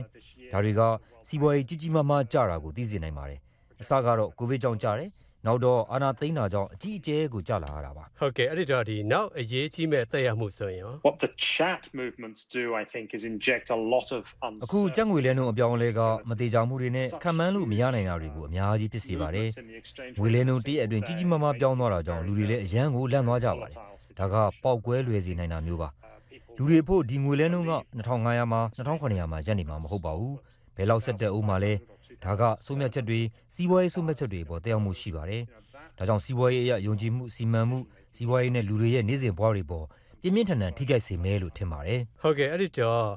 စစ်ကောင်စီအနေနဲ့ဒီကိစ္စအပေါ်ဘယ်လိုတုံ့ပြန်မယ်ထင်လဲ They may react or overreact or react wrongly. သူတို့အနေနဲ့တုံ့ပြန်တာမှာအလွန်ကျွံတုံ့ပြန်တာမှားယွင်းတုံ့ပြန်တာတွေဖြစ်လာနိုင်ပါတယ်။သူတို့မှာကအခုအခြေအနေပေါ်အခြေခံမူဝါဒနဲ့ထိန်းချုပ်မှုမျိုးမရှိပါဘူး။အခုဘက်မှာလည်းဒေါ်လာငွေသားအနှဲငယ်ပဲကျန်မာတော့တယ်။ အဲဒီတော့ကြက်ငွေတည်ငြိမ်အောင်ဈေးဘက်ကလိုနေတဲ့ငွေသားကိုထုတ်မပေးနိုင်တော့ဘူးလေ။နောက်ဆုံးမှာတော့ဒီပြဿနာကိုဖြေရှင်းဖို့ကစီးပွားရေးပြဿနာမျိုးမဟုတ်ပါဘူးနိုင်ငံရေးပြဿနာပါ။ဖြေရှင်းဖို့ကယုံကြည်မှုဈေးကွက်မှာပြည်သူအကြားမှာပြန်တည်ဆောက်ရမှာပါ။ဒီအတွက်စေအုပ်စုအနေထားနဲ့လုပ်ဖို့မလွယ်ပါဘူး။လူအများစုကစေအုပ်စုကိုပြုတ်ကျစေခြင်းနဲ့လေ။ပြည်သူပေါ်မတရားအကြမ်းဖက်နေတော့မယုံကြတော့ဘူးပေါ့အာနာသိန်းတာကပြဿနာပါဖြေရှင်းဖို့ကအာနာပြန်လှုပ်ပေးရမှာလေဒါကိုသူတို့သိပုံရပေမဲ့ လှုပ်ချင်မှုတော့မပေါ်ပါဘူးဟုတ်ကဲ့အဲ့ဒီတော့ရှေ့ဆက်ဖြစ်လာနိုင်ခြေအပေါ်မှာရောဘယ်လိုသုံးသပ်ပြခြင်းလဲ So I think this could create quite significant economic အဲ turbulence. တော့အခုကစီးပွားရေးလိုင်းတစ်ခုထံမှုကြီးကြီးမားမားကိုဆက်ဖြစ်စေလိမ့်မယ်လို့ထင်ပါတယ်နိုင်ငံရေးကြဘယ်လိုဆက်ဖြစ်မယ်ဆိုတာကိုတော့ခံမှန်းရခက်ပါတယ်ဒါပေမဲ့ပြင်းထန်နိုင်ပါတယ်ဒီအချက်ကြောင့်ဆန္ဒပြပွဲတွေကိုစဖြစ်စီမှာတော့မဟုတ်နိုင်ဘူးဆန္ဒပြပွဲတွေကကြီးကြီးမားမားဖြစ်ထားပြီးသားပါစီအုပ်စုကလည်းကြီးကြီးမားမားအကြမ်းဖက်ထားတော့ဆန္ဒပြပွဲတွေထိခိုက်နေရတာပါ အဲတော့ဖြစ်လာမှာကစီအုပ်စုတွေထိန်းရခက်မဲ့နိုင်ငံရေးအင်အားစုအစ်စ်နောက်တစ်မျိုးထွက်ပေါ်လာမလားဆိုတာတကယ်တော့မသေးကြပေမဲ့ဖြစ်နိုင်ခြေတစ်ခုအဖြစ်ကတော့ရှိနေနိုင်ပါတယ်ဟုတ်ကဲ့ကျေးဇူးအများကြီးတင်ပါတယ် Richard House ခင်ဗျာဒါကတော့ ICG မြန်မာဆိုင်ရာအကြီးတန်းအကြံပေး Richard Hose ကိုကိုဝင်းမင်းကဆက်သွယ်မေးမြန်းခဲ့တာပါအခုတော့နိုင်ငံတကာသတင်းလာတစ်ပုဒ်ကိုတင်ပြမှာပါရှင်16နှစ်ကြာတိုင်းပြည်ကိုဥဆောင်ခဲ့တဲ့ဝင်ကြီးချုပ် Angela Merkel ကသူ့တာဝန်ကအနားယူတော့မှာမို့ သူ့ကိုနှုတ်ဆက်ဖို့ဂျာမနီနိုင်ငံကပြင်ဆင်နေပါပြီ Henry Ridgwell ဘာလင်မြို့ကပေးပို့ထားတဲ့သတင်းကိုကိုသိန်းထိုက်ဦးကတင်ဆက်မှာပါရှင်ဥရောပရဲ့သမဏိကလကားလို့တင်စားကြတဲ့ကွန်မြူနစ်စနစ်ကြီးပြိုကျသွားပြီးတဲ့နောက်နိုင်ငံရေးဘဝတွေကိုအန်ဂလာမက်ကယ်ဝင်ခဲ့တာပါ1990ခုနှစ်အရှေ့ဂျာမနီနောက်ဂျာမနီပေါင်းစည်းပြီးတဲ့နောက်အမျိုးသမီးနဲ့လူငယ်ရေးရာဝန်ကြီးအဖြစ်တာဝန်ယူခဲ့ပါတယ်2000ခုနှစ်မှာ ခရစ်စတန်ဒီမိုကရက်တစ်ပါတီခေါင်းဆောင်ဖြစ်လာပြီး2005ခုနှစ်ရွေးကောက်ပွဲမှာကပ်ပြီးတော့အနိုင်ရခဲ့ပါတယ်သူဦးဆောင်ခဲ့တဲ့၃နှစ်ကြာမှာပဲကမ္ဘာတော်ဝန်ဘဏ်လုပ်ငန်းအကျပ်တဲတွေကြုံခဲ့ရတာပါဂျာမနီဘဏ်တွေကိုဆက်လက်လည်ပတ်ပြီးလူတွေရဲ့စိုးရိမ်ပူပန်မှုတွေလျော့ပါဖို့တည်ငြိမ်အောင်လုပ်ကင်ခဲ့ပါတယ် Und wir sagen den Sparerinnen und Sparern, သူတို့အပ်ထားတဲ့ငွေတွေစိတ်ချရတယ်ဆိုတာကိုပြောနိုင်ဖို့လှုံ့ဆော်ပေးနေပါတယ်။ဂျာမန်အစိုးရကပံ့ပိုးရက်တီပေးနေပါတယ် ဘဏ်တွေရဲ့အကျပ်တဲတွေကနေဥရောပကျွေးမြီပြဿနာအဖြစ်ပြောင်းလဲခဲ့ပါတယ်ဥရောပဇုံအတွင်းကကျွေးမြီတွေကိုအာမခံလျှော့ပေးဖို့မက်ကဲကဝင်လေးခဲ့ပါတယ်ဒါကြောင့်လည်းအသုံးစိတ်တွေကြီးကျယ်လျှော့ချခဲ့ရပြီးကျွေးမီပြဿနာအဆိုးဆုံးရင်ဆိုင်ခဲ့ရတဲ့ Greece နိုင်ငံမှာဆိုရင်သူ့ကိုမုန်းခဲ့ကြပါတယ်။ဥရောပဟာအကြက်တဲတွေကြားဒိရင်ဒိယိုင်ဖြစ်ခဲ့ရပေမဲ့ရက်တီခီးဆက်နိုင်ခဲ့ပါတယ်။ Also Frau Merkel wird ja bezeichnet als Krisenkanzlerin. သူတာဝန်ယူဥဆောင်ခဲ့ရတဲ့ကာလကဘာတဝမ်းအကြက်တဲတွေတော်တော်များများကြော်လွှားခဲ့ရလို့သူ့ကိုအကြက်တဲဝင်ကြီးကျုံလို့တောင်အတိများခဲ့ကြတာပါဂျာမနီမှာတွေမကပါဘူးဥရောပသမဂ္ဂအတွင်းနဲ့အတ္တလန်တစ်တစ်ဖက်တစ်ချက်လက်တွဲဘက်တွေတရုတ်နဲ့ရုရှားအတွက်လည်းအလားတူလှုပ်ဆောင်ခဲ့သူပါ2014ခုနှစ်ယူကရိန်းကိုရုရှားကျူးကျော်ခဲ့တဲ့အချိန်ဥရောပမှာပြည်ပခါတွေကြီးထွားခဲ့ပါတယ်။မက်ကဲကရုရှားသမ္မတဗလာဒီမီယာပူတင်နဲ့ ဆက်ပြီးတော့ဆွေးနွေးခဲ့ပါတယ်။ Angela Merkel's style is Angela Merkel သွားတဲ့ပုံစံကဆွေးနွေးမယ်ဆွေးနွေးမယ်ဆွေးနွေးမယ်ဆိုတာပါတရုတ်နဲ့ဆိုရင်လည်းဆွေးနွေးမယ်ရုရှားနဲ့ဆိုရင်လည်းဘယ်သူပဲဖြစ်ဖြစ်ပါအန်ဂလာမကဲအဓိကရင်ဆိုင်ခဲ့ရတဲ့အကြက်တဲတွေထဲမှာ2015ခုနှစ်ကရွှေပြောင်းဝင်ရောက်လာသူတွေအရေးကိစ္စပါပါတယ်။သူကဂျာမနီနဲ့ဂျားတွေကိုပိတ်ပစ်ဖို့ညှင်းဆန်ခဲ့တာကြောင့်ဥရောပနိုင်ငံတွေကိုရွှေပြောင်းဝင်ရောက်လာသူဒုက္ခသည်တွေပြုံဝင်ခဲ့ပါတယ်။ဂျာမနီမှာတင်ရွှေပြောင်းလာသူတသန်းကျော်ဝင်ခဲ့တာပါ။ အများစုကစီးရီးယားစစ်ပွဲကနေလွတ်မြောက်လာသူတွေပါ။ဒါကြောင့်သူ့ကိုအကြီးအကျယ်ဝေဖန်ထိုးနှက်တာတွေခံခဲ့ရပါတယ်။မကဲကလည်းဒီကိစ္စမှာသူ့ဘက်ကမှားပါတယ်ဆိုပြီးပြန်ပြီးတောင်းပန်ခဲ့တာမျိုးမရှိပါဘူး။ Ich muss ganz ehrlich sagen, wenn wir jetzt anfangen အကြက်တဲကြုံနေရတဲ့ကာလမှာမို့ခင်မင်နှစ်လိုပွဲမျက်နာမပြနိုင်တာပါဆိုပြီးကိုဘာသာအကြောင်းပြချက်စပေးခြေဆိုရင် ကျမရဲ့တိုင်းပြည်ဟာဒီလိုတိုင်းပြည်မဟုတ်ဘူးလို့ပဲပြောပါရစေအခု6နှစ်ရှိသွားခဲ့တဲ့အချိန်မှာမက်ကဲက ဒီကိစ္စမှာတန်ဝေကရကြမရှိဘူးလို့ပဲပြောနေတော့မှ nämlich dass man diese လူတွေကိုကောင်းကောင်းမွန်မွန်ပြုမှုဆက်ဆံရမယ်လို့သူကယုံကြည်ထားပါတယ်။နေကြားတွေနောက်မှာပိတ်မိနေတာမျိုးမဖြစ်သင့်ဘူးလို့သူကလက်ခံထားတာပါ။ဒါပေမဲ့ဒီအမြင်ကြောင့်ဥရောပကညီညွတ်ရမယ့်အစားပိုပြီးကွဲလွဲချက်တွေပေါ်ခဲ့ပါတယ်။ဥရောပအနေနဲ့ဒီရွှေပြောင်းလာသူတွေအရေးဘလို့ရှင်းမလဲဒီမေးခွန်းကအခုထိအဖြေမသိသေးပါဘူး 2016ခုနှစ်ဥရောပသမဂ္ဂကပြည်ထောင်ခွဲထွက်ခဲ့တဲ့အချိန်ဒေါ်နယ်ထရန့်အမေရိကန်သမ္မတဖြစ်ခဲ့တဲ့အချိန်ဒီမှာအတ္တလန်တစ်သမုဒ္ဒရာတစ်ဖက်တစ်ချက်နိုင်ငံတွေအကြားဆက်ဆံရေးမှာအစွန်အထင်းတွေရှိခဲ့ပါတယ် when she recognized there will be သမရနဲ့အပြုသဘောဆောင်တဲ့ဆက်ဆံရေးမျိုးလည်းတည်ဆောက်ဖို့ဘလို့မှမဖြစ်နိုင်ဘူးဆိုတာသိလိုက်တဲ့အချိန်သူ့သမီးနဲ့မိတ်ဆွေဖြစ်အောင်မာကဲကစ조사ခဲ့ပါတယ်တခါတည်းမက်ကဲဟာဩဇာအာဏာကြီးတဲ့အမျိုးသားတွေကြားတူးရဲသောအမျိုးသမီးဖြစ်နေတတ်ပါတယ်သူဟာအမျိုးသမီးရဲ့ရှေ့တန်းတင်လှုပ်ရှားတဲ့သူ အမျိုးသမီးရဲ့ဝါဒီလားလို့2018ခုနှစ်ကတိုက်ရိုက်သူ့ကိုမေးကြည့်ခဲ့ဘူးပါတယ်။မက်ကဲကသူ့ကိုယ်သူဘယ်လိုပဲဝါဆိုပြီးတစိမ့်မကတ်ချင်ဘူးလို့ပြောပါတယ်။ဒါပေမဲ့မကြသေးခင်ကတော့သူ့ရဲ့သဘောထားအမြင်တွေပြောင်းသွားခဲ့ပါတယ် schüchtern vorgebracht. Äh, heute ဒီကနေ့ကျမဖြတ်သန်းမှုအရာပဲအဖြေကိုပို့ပြီးတော့ပေးရပါလိမ့်မယ်ဟုတ်ပါတယ်ကျမတို့အားလုံးအမျိုးသမီးရဲ့အဓိကထားတဲ့ဝါဒကိုလက်ခံသူတွေလှုပ်ရှားသူတွေဖြစ်တင်ပါတယ်။ လက်ငင်းကျိုးကိုကြည့်ပြီးခိုင်ကြီးတဲ့ခေါင်းဆောင်တယောက်ဖြစ်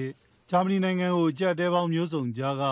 ဥဆောင်သွားခဲ့သူအဖြစ်အန်ဂလာမကဲကိုထောက်ခံသူတွေသတ်မှတ်ကြပါတယ်။တစ်ချိန်တည်းမှာပဲဥရောပနဲ့အနောက်နိုင်ငံတွေကိုတည်ငြိမ်အောင်ကြိုးစားခဲ့သူဖြစ်လဲအတိအမှတ်ပြုကြပါတယ်။ဒါပေမဲ့လည်းဝေဖန်သူတွေကတော့အကြက်တဲဝင်ကြီးကျိုးလို့သူ့ကိုသုံးနှုံပြီးအနာဂတ်ကိုကြည့်ဖို့ပြက်ကွက်ခဲ့သူအဖြစ်ထောက်ပြဝေဖန်နေကြပါတယ် she always um um ဖြည့်ရှင်းစရာရှိနေတဲ့အကြောင်းအရာတွေပြဿနာတွေအားလုံးကိုသူကဖြည့်ရှင်းပါတယ်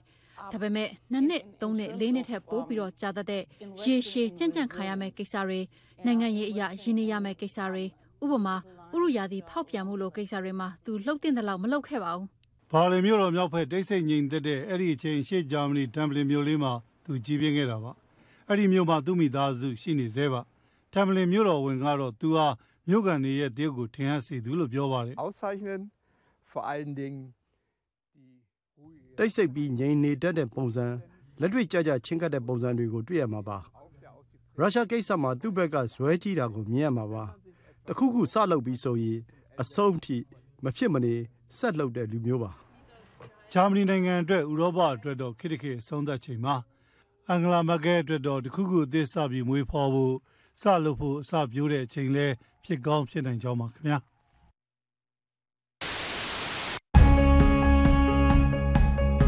VOA American တန်ရဲ့ရုပ်တံထုတ်လွှင့်မှုတွေကိုနေ့စဉ်24နာရီပတ်လုံးဖမ်းယူကြည့်ရှုနိုင်ပါပြီ။လူမှုမိတ်ဆွေရုပ်တံလိုင်းကနေနေ့စဉ်24နာရီရုပ်မြင်သံကြားထုတ်လွှင့်မှုအဖြစ် VOA American တန်နဲ့ RFA လွတ်လပ်တဲ့အာရှအသံမြန်မာဘာသာအစီအစဉ်တွေကို American ပြည်အောင်စု Washington မြို့တော်ကနေအချိန်ပြည့်ထုတ်လွှင့်တင်ဆက်ပေးနေတာပါ။ မြန်မာနိုင်ငံရဲ့နောက်ဆုံးရသတင်းတွေအပြင်အာရှဒေသနဲ့ကမ္ဘာတစ်လွှားကအချိန်နဲ့မျှဖြစ်ထွန်းမှုသတင်းမှန်တွေအပတ်စဉ်ကဏ္ဍတွေနဲ့နိုင်ငံရေးစကားဝိုင်းအစီအစဉ်တွေးဆုံမေးမြန်းခန်းတို့ကိုကြည့်ရှုကြရမှာပါလူလူမိတ်ဆွေရုပ်တံလိုင်းကိုဖမ်းယူကြည့်ရှုခြင်းနဲ့ဆိုရင် UDEL Chat 70B Asia Bin ဂျိုတို့ Channel 101ဒါမှမဟုတ် Timecom 6ဂျိုတို့ Channel 123တို့ကနေဖမ်းယူကြည့်ရှုနိုင်ပါတယ်ဂျိုတို့ဖမ်းယူမှုအသေးစိတ်အချက်လက်ကို VOA မြန်မာပိုင်း Internet စာမျက်နှာနဲ့ VOA မြန်မာ Facebook စာမျက်နှာတို့မှာဖော်ပြထားပါတယ်ရှင်မြန်မာနိုင်ငံကပြည်ထောင်စုတွေစီသတင်းမှန်တွေပို့ပေးနိုင်မှုလူလူမိတ်ဆွေအရောက်လာခဲ့ပါပြီနော် VOA မြန်မာပိုင်းကတင်ဆက်နေတဲ့အစီအစဉ်တွေကိုကြည့်ရှုနားဆင်အားပေးကြတဲ့အတွက်လည်းကျေးဇူးအထူးတင်ပါတယ်။ကျမတို့တင်ဆက်နေတဲ့ဒီရေဒီယိုအစီအစဉ်ကိုရုပ်သံနဲ့ပါဖြည့်ဆွက်တင်ဆက်နေပါတယ်။ရေဒီယိုကနေနားဆင်မယ်ဆိုရင်နက်နက်ခင်းအစီအစဉ်အတွက်လိုင်းဒိုမီတာ24 40 52တို့ပြင်လှိုင်းလက်မီတာ190 kHz 1505တို့ကနေဖမ်းယူနားဆင်နိုင်ပါတယ်ရှင်။ မြန်မာစံတော်ချိန်နနက်6နာရီခွဲပါပြီအခုဒုတိယပိုင်းနာရီဝက်အတွက်ကျမတို့အပတ်စဉ်ကဏ္ဍတွေကိုဆက်လက်တင်ဆက်မှာပါအဲ့ဒီထဲမှာတော့လူထုနဲ့ကျမရေးအားကစားကဏ္ဍစတာတွေပါဝင်မှာပါရှင်ပထမဦးဆုံးတော့ဥကျော်စံသာရဲ့မြမရေးသုံးသက်ချက်အစီအစဉ်ကိုအရင်ဆုံးနားဆင်ကြည့်ရှုကြရအောင်ပါရှစ်လအကြာတရားဥပဒေစိုးမိုးရေးအခြေအနေဆိုတဲ့ခေါင်းစဉ်နဲ့သုံးသက်ဆွေးနွေးထားတာတွေ့ရပါတယ်မြန်မာနိုင်ငံမှာစစ်တပ်ကအာဏာသိမ်းယူအုပ်ချုပ်လာတာရှစ်လကြာမြင့်ခဲ့ပြီဖြစ်ပါတယ်နိုင်ငံအုပ်ချုပ်ရေးမှာအခရာအကြဆုံးဖြစ်တဲ့ဒီတရားဥပဒေစိုးမိုးရေးနဲ့အေဂျင့်တာယာမှုအခြေအနေဘယ်လိုရှိနေပါသလဲမြန်မာနိုင်ငံရှိနေများကွန်ရဲ့ဥက္ကဋ္ဌဦးချင်းမြင့်နဲ့ဦးကျော်စံသာတို့ဆွေးနွေးသုံးသပ်ထားပါတယ်ရှင်ဟုတ်ကဲ့ခင်ဗျာကျွန်တော်ဒီကနေ့ဦးချင်းမြင့်ကိုမေးချင်တဲ့ကိစ္စကတော့မြန်မာနိုင်ငံရဲ့လက်ရှိအခြေအနေဖြစ်ပါတယ်တရားဥပဒေစိုးမိုးရေးဘယ်လောက်ထိတိုးတက်ကောင်းမွန်လာပြီလဲစစ်တပ်ကအနာသိမ့်ပြီးတော့စစ်ကောင်စီအုပ်ချုပ်လာခဲ့တာလည်းပဲ တစ်နှစ်ရဲ့သုံးပုံနှစ်ပုံကျိုးခဲ့ပြီဖြစ်ပါတယ်ဆိုတော့တရားဥပဒေစိုးမိုးမှုဘယ်လောက်ရှိပြီလဲနောက်တစ်ခါ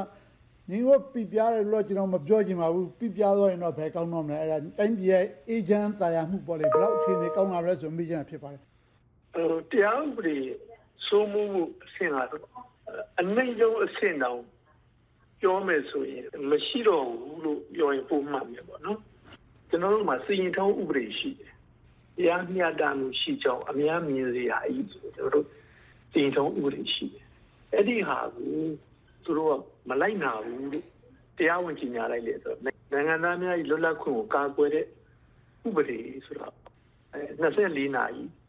တဲ့ပုံမချိုးရလူကြောက်ကိုဖမ်းသွားတယ်။အဲလူဖမ်းဝရမ်းပါမယ်။ရှားဖွေဝရမ်းပါမယ်။ပိုင်းရွက်အတွင်းဝင်ဝင်ရောက်ခွင့်ရှားဖွေခွင့်တွေခွင့်ပြုချက်ရှိမှလုပ်ရမယ်။နောက်တစ်ခါက နောက်ယုံခံမလိုက်ရဘူးသူတယောက်ကိုတော့ချိုးဖောက်ခံရရင်ရဲတိုင်မှုဖို့မပေးလို့ရှိရင်အဲ့မဖို့ဝဲတဲ့ရဲကိုရေးယူရမယ်ဆိုတဲ့ဥစ္စာတွေအားလုံးကိုမလိုက်နာတော့ဘူးလို့ဒါဖေဖော်ဝါရီလ23ရက်နေ့မှာကြီးညာလိုက်တယ်ပုံချုပ်ကြီးမရောက်လည်းနောက်တကယ်အရေးကြီးတဲ့နိုင်ငံသားတွေကိုကာကွယ်တဲ့ဟာတွေဖြစ်ပလိုက်တာပေါ့နော်ဆိုတော့ဒီဟာကသူကအရေးယူအပြစ်ပေးမဲ့အတွက်လူကိုလိုက်ရှာတာပေါ့လေ နိုင်ငံရေးတွေဘာတွေသူတို့ကိုဆန့်ကျင်မှုနဲ့မပတ်သက်တဲ့သာမန်ပြည်သူတွေဈေးရောင်းဈေးဝယ်တွေဝန်ထမ်းတွေစသဖြင့်သူတို့ရဲ့ဘဝကတော့ဒီ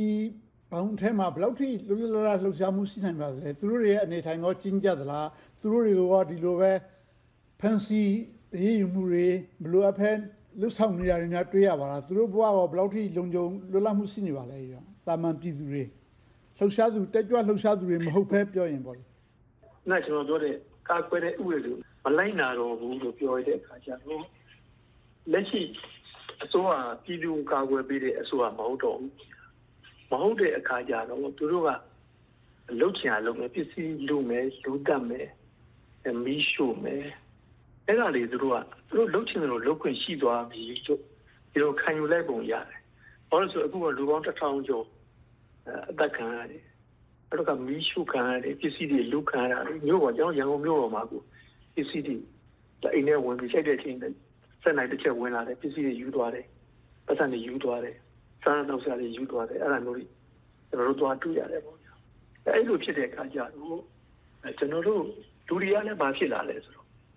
ဟိုတချို့ပညာတတ်တွေကဟာဒီလိုလုံးမယ်ဆိုရင်လူကိုသေးသေးလေးကြီးခုကနေတာပဲ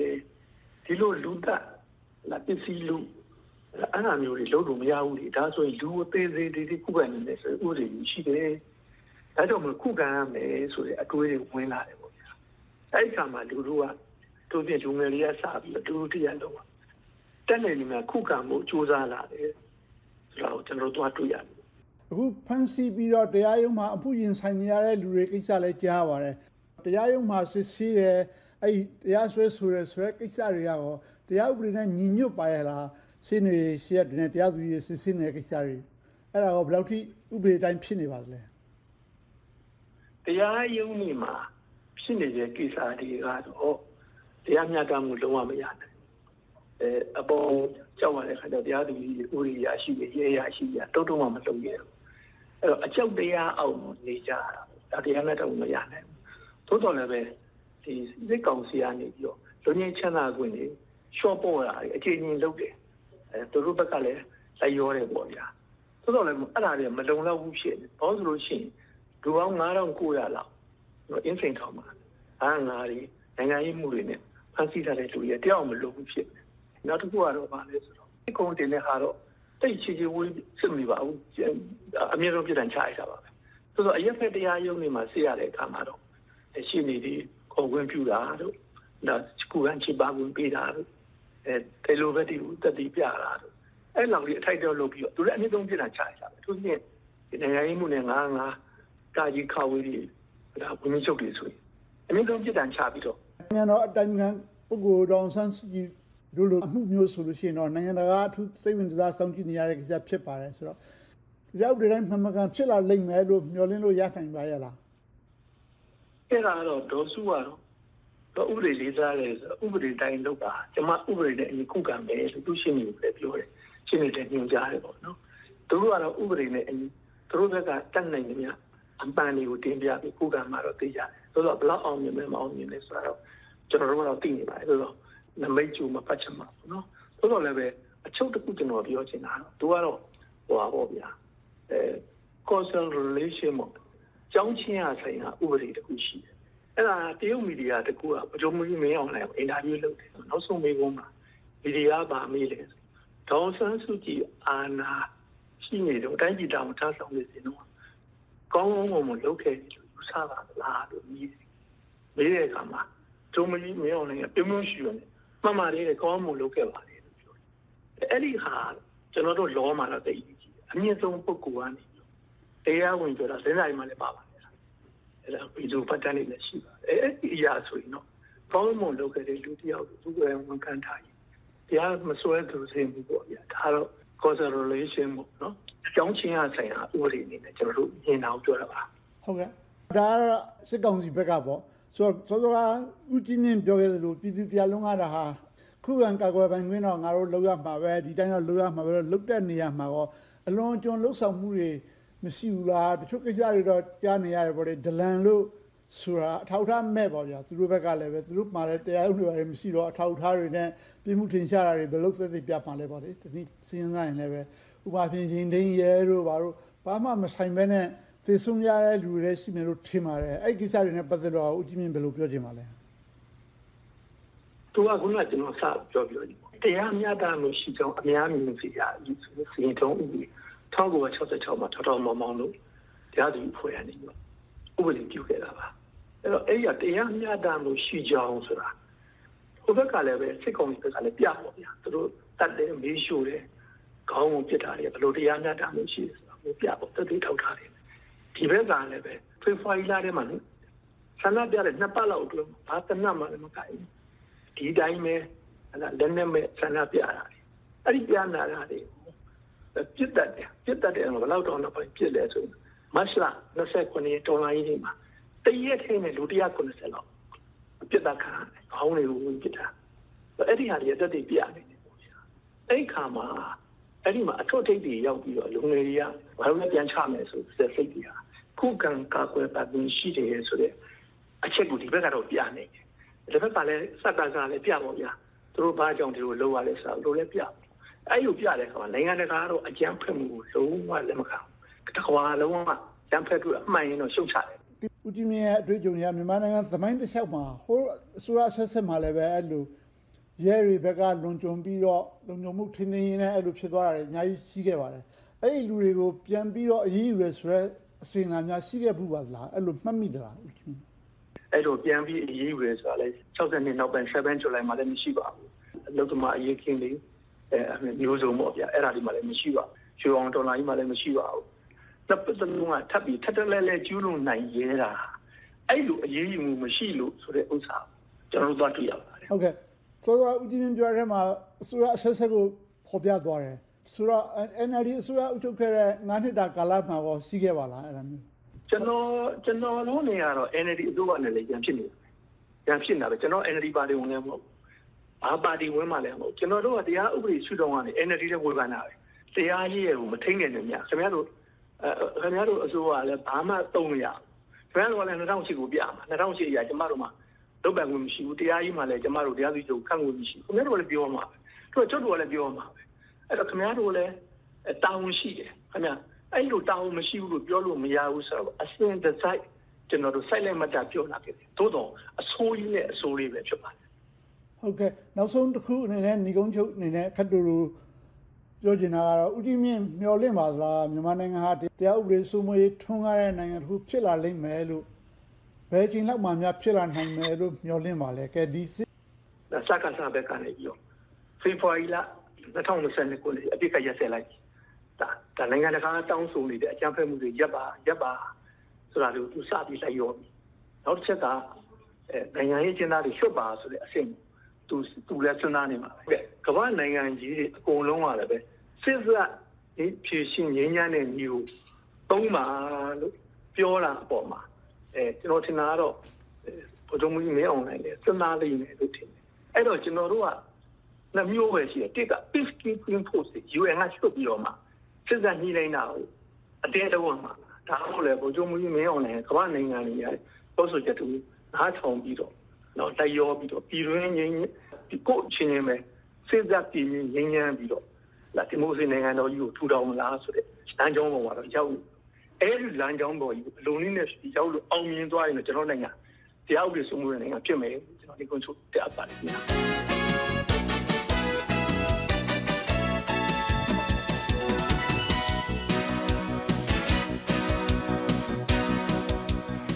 ကျော်စံတာရဲ့မြမအရေးသုံးသက်ချက်အစီအစဉ်ပါရှင်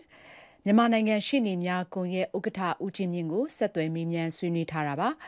VOA မြန်မာပိုင်းရဲ့ကြာတာပတိတိနေ့နဲ့ခင်ရေဒီယိုအစီအစဉ်ကိုရုပ်သံနဲ့ပါဖြည့်ဆွက်တင်ဆက်နေပါတယ်။ကျမတို့အစီအစဉ်တွေကို Facebook စာမျက်နှာကနေတိုက်ရိုက်ကြည့်ရှုမယ်ဆိုရင်တော့ VOA Burmese News ဆိုတဲ့ဒီ Facebook Facebook စာမျက်နှာမှာကြည့်ရှုနိုင်ကြပါတယ်။ကျမတို့ဒီရေဒီယိုကတင်ဆက်နေတဲ့အစီအစဉ်နဲ့တိုက်ရိုက်ဒီတင်ဆက်နေတဲ့ Facebook ကအစီအစဉ်တွေကိုကြည့်ရှုအားပေးကြတဲ့အတွက်လည်းကျေးဇူးထူးတင်ပါတယ်။အခုဆက်လက်ပြီးတော့လူထုနဲ့ကျန်းမာရေးအစီအစဉ်ကိုတင်ဆက်မှာပါ။ မြန်မာနိုင်ငံမှာဇူလိုင်လအတွင်းကိုဗစ်တတိယလှိုင်းကိုပြင်းပြင်းထန်ထန်ရင်ဆိုင်ခဲ့ရပြီးတဲ့နောက်ကိုဗစ်ဖြစ်ပြီးတဲ့သူတွေမှာနောက်ဆက်တွဲဆိုးကျိုးတွေကြုံတွေ့ခံစားနေရတာတွေနဲ့ပတ်သက်လို့ဒေါက်တာတန့်စော်ကလူထုနဲ့ကျန်းမာရေးအစီအစဉ်မှာတင်ဆက်ဆွေးနွေးထားပါတယ်ရှင်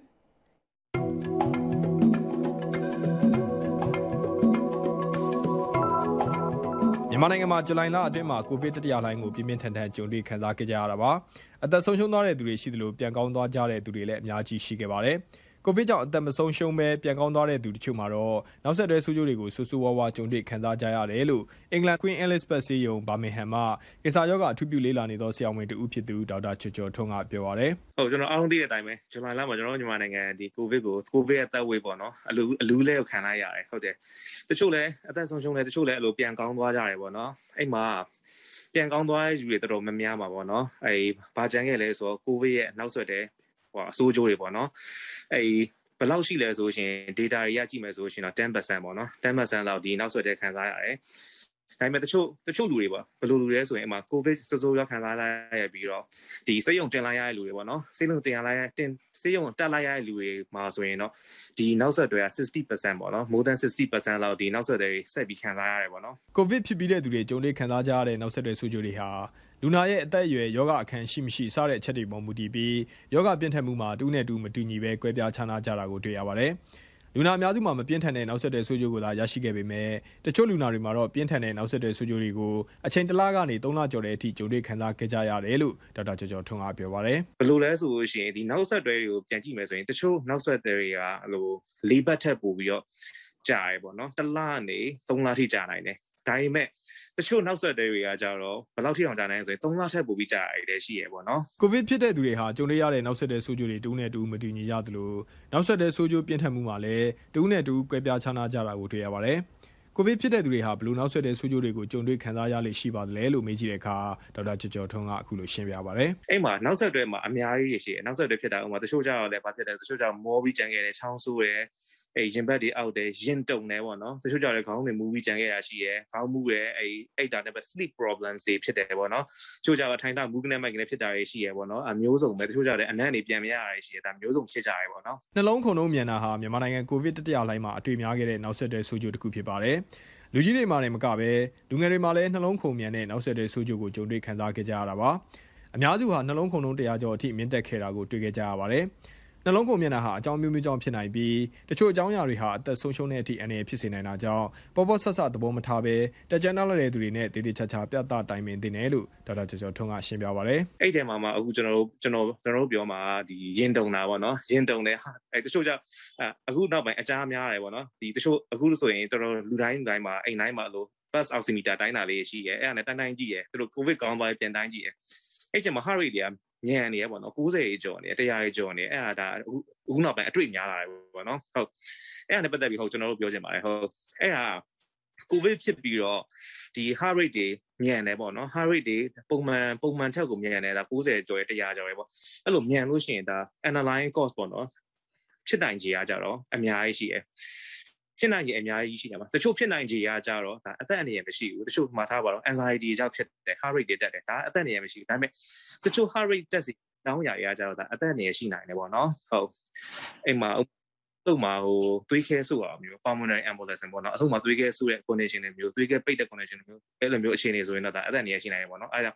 ကြောင့်ပြောချင်တာကကြတော့ဘယ်လိုလဲဆိုတော့အဲ့ဒီဒါဒီလိုမျိုး heart rate တွေတက်လာပြီဆိုရင်တော့ဒါမပေါ့တဲ့ပေါ့နော်မပေါ့ဘူးမပေါ့တဲ့ဘူးအဲ့တေချာတက်ကြွတဲ့လူနဲ့ပေါ့နော်တေချာ assessment တွေလုပ်မယ်ပြသမယ်ကုသမှုခံယူမယ်ပေါ့နော် မြန်မာနိုင်ငံမှာဇူလိုင်လအတွင်းမှာကိုဗစ်တတိယလှိုင်းကိုပြင်းပြင်းထန်ထန်ကြုံတွေ့ခံစားခဲ့ရပြီးကိုဗစ်ဖြစ်ပြီးတဲ့သူတွေမှာလည်းနောက်ဆက်တွဲဆိုးကျိုးမျိုးမျိုးကိုကြုံတွေ့ခံစားခဲ့ကြရတာကြောင့်ကိုဗစ်နောက်ဆက်တွဲဆိုးကျိုးတွေကိုသတိပြုကာကွယ်ထားနိုင်ဖို့အတွက်တတိပြုလိုက်တာဖြစ်ပါတယ်ကျွန်တော်တန်တော်ပါ ဒေါက်တာတန့်စောအပတ်စဉ်တင်ဆက်နေတဲ့လူထုနဲ့ကျမကြီးအစီအစဉ်ပါရှင်။မကြခင်မှာတော့နိုင်ငံတကာအားကစားသတင်းတွေကိုစူးစီးတင်ပြနေတဲ့အားကစားကဏ္ဍကိုတင်ဆက်တင်ဆက်မှာပါ။ဒီ VOA မြန်မာပိုင်းကအပတ်စဉ်ကဏ္ဍတွေကိုတင်ဆက်နေရမှာကြာသပတေးနေ့ညအစီအစဉ်မှာတော့ဥအောင်ခင်ရဲ့မြမအရေးသုံးသက်ချက်တိုင်းရင်းသတင်းလွှာစတာတွေကိုနားဆင်ရဖို့ရှိပါတယ်ရှင်။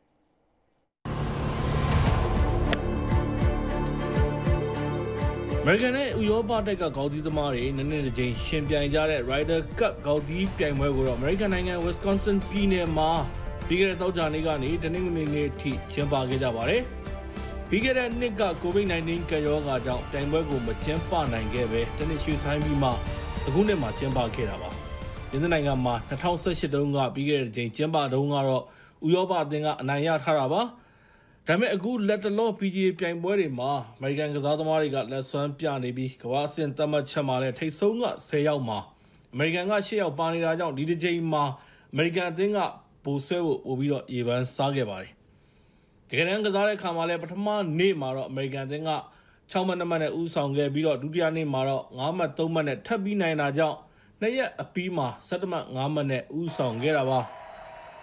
နောက်ဆုံးတတိယနေ့တူးချင်း match play မှာတော့ American ကနောက်ထပ်10မှတ်ထပ်ရပြီးတော့ဥရောပက4မှတ်ထပ်ရတာကြောင့်နောက်ဆုံးမှာ American က16မှတ်9မှတ်နဲ့ Ryder Flag ကိုအနိုင်ရသွားပါတယ်။အခုလို Ryder Cup ကိုအနိုင်ရလိုက်တာနဲ့ပတ်သက်ပြီး American အသင်းခေါင်းဆောင် Steve Stricker ကတော့ This is the greatest team of all time right here. These guys are unbelievable.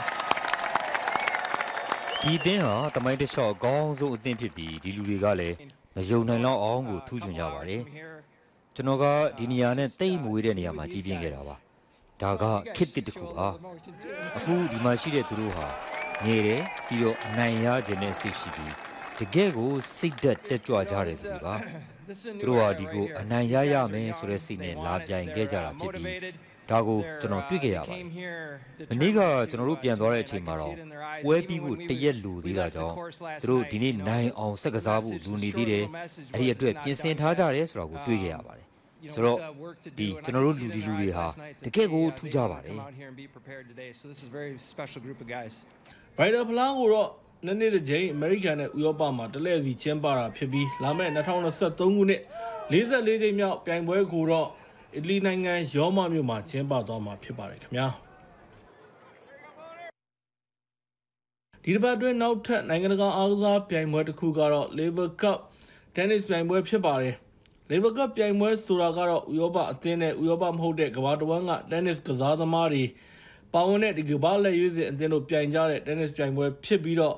ခေါင်းသီးပြိုင်ပွဲဘက်က Ryder Cup ပြိုင်ပွဲနဲ့ဆင်တယ်လို့ပဲပြောမှာဖြစ်ပါတယ်အသင်းတစ်သင်းစီမှာအရန်ကစားသမားတစ်ယောက်အပါဝင်ကစားသမား9ယောက်ပါဝင်ပြီးတော့3ရက်ပြိုင်ကြတာပါပွဲစဉ်အဖြစ်တော့တဦးချင်း9ပွဲ2ယောက်တွဲ3ပွဲပါဝင်ပြီးတော့တရက်ကိုတဦးချင်း3ပွဲနဲ့2ယောက်တွဲပွဲတစ်ပွဲကစားကြတာပါ ပြိုင်ပွဲရဲ့အမှတ်ပေးပုံကလည်းပထမနေ့ပွဲစဉ်တွေမှာနိုင်တဲ့သူတွေကတမှတ်ရပြီးဒုတိယနေ့ပွဲစဉ်မှာနိုင်တဲ့သူက2မှတ်တတိယနေ့ပွဲနိုင်တဲ့သူကတော့3မှတ်ရတာဖြစ်ပါတယ်စုစုပေါင်း24မှတ်ရှိပြီးတော့ပြိုင်ပွဲမှာ73မှတ်အရင်ရတဲ့အသင်းကအနိုင်ရတာဖြစ်ပါတယ်။ဒီနေ့ပြိုင်ပွဲမှာတော့ဥရောပအသင်းကကမ္ဘာလက်ရွေးစင်အသင်းကို14မှတ်တမှတ်နဲ့နိုင်ပြီးတော့ Lever Cup ဖလားကို၄ချိန်မြောက်ဗိုလ်ဆွဲသွားခဲ့ပါတယ်။ Lever Cup ပြိုင်ပွဲကို၄ချိန်မြောက်ဗိုလ်ဆွဲလိုက်တာနဲ့ပတ်သက်ပြီးဥရောပရဲ့အသင်းကောင်းဆောင် Bjorn Borg ကတော့ For me personally it's uh, as a captain is uh, the most important week ကျွန်တော်တို့တော့အသင်းကောင်းဆောင်တယောက်အနေနဲ့ဒီသတင်းဘက်ကတစ်နှစ်လုံးမှာရေးကြီးဆုံးသတင်းဘက်ပါဒါပေမဲ့ကျွန်တော်တို့အားလုံးချန်ပီယံဆုကိုကာကွယ်ဖို့အတွက်အခုလိုပါဝင်ခွင့်ရတာကိုဝမ်းသာကြတယ်လို့ထင်ပါတယ်ဒီလူ6စလုံးကကျွန်တော်ပြောသလိုပဲအနာဂတ်တင်းနစ်ကစားသမားတွေပါ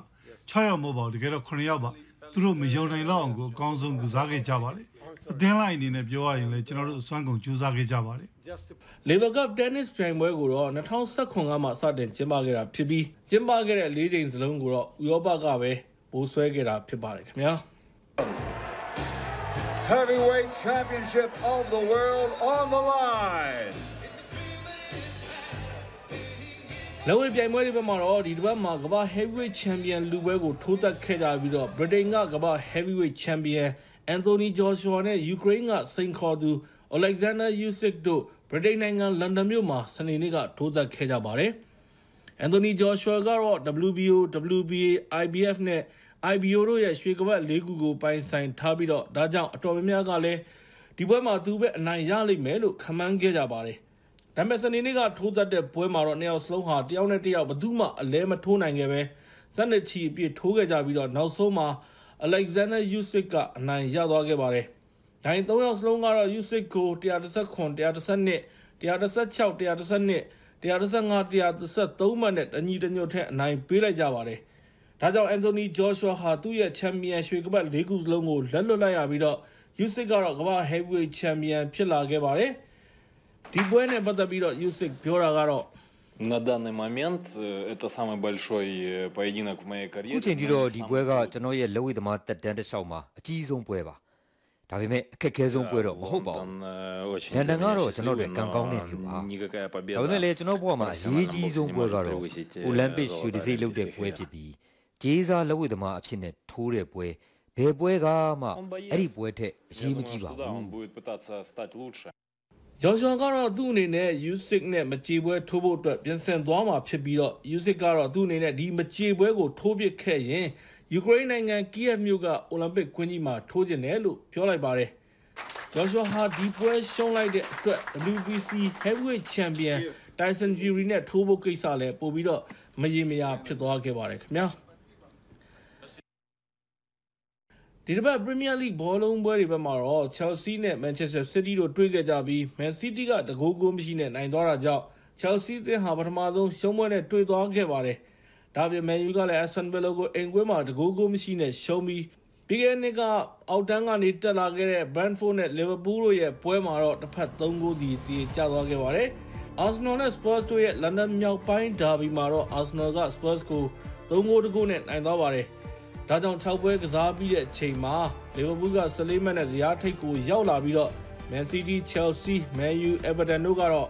73မှတ်နဲ့အဆင့်လိုက်ရှိနေတယ်ဆိုတာတင်ပြရင်းနဲ့ပဲဒီတစ်ပတ်ရဲ့အားကစားကဏ္ဍကိုဒီမှာပဲအဆုံးသတ်လိုက်ပါတယ်ခင်ဗျာ။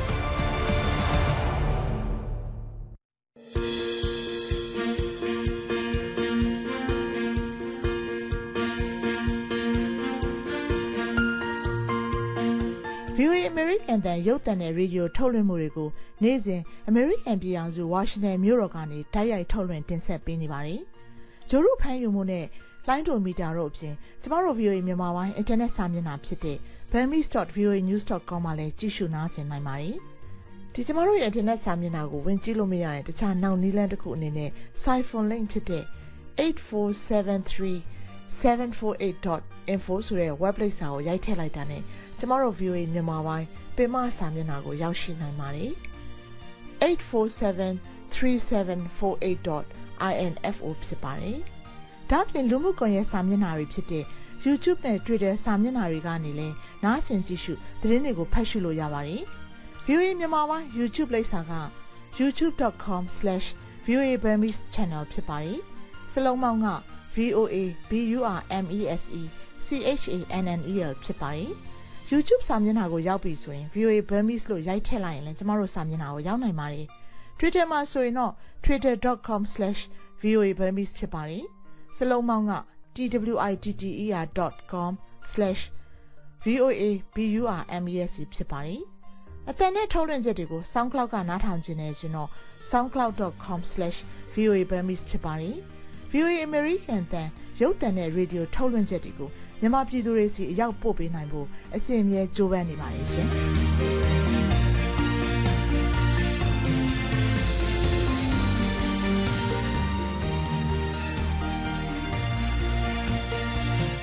VOA မြန်မာပိုင်းကတင်ဆက်နေတဲ့အစီအစဉ်နဲ့ပတ်သက်လို့ဝေဖန်အကြံပေးကြဖို့လည်းဖိတ်ခေါ်ပါတယ်။ကျမတို့ရှိကိုဆက်သွယ်ရမယ့် email လိပ်စာကတော့ burmese@voanews.com ဖြစ်ပါတယ်ရှင်။ကြာသပတေးနေ့နေ့နဲ့ခင် VOA မြန်မာပိုင်းအစီအစဉ်တွေကိုဆက်လက်တင်ဆက်နေပါတယ်။ကျမတို့ဒီကြာသပတေးနေ့ညနေခင်းအစီအစဉ်ကိုတော့မြန်မာညပိုင်းအစီအစဉ်ကိုတော့မြန်မာစံတော်ချိန်ည9:00နာရီကနေ10:00နာရီထိတင်ဆက်မှာမို့စောင့်မျှော်နားဆင်ကြပါရှင်။အခုတော့သတင်းအချင်းချုပ်ကိုကိုအောင်လွင်ဦးကပြောပြမှာပါ။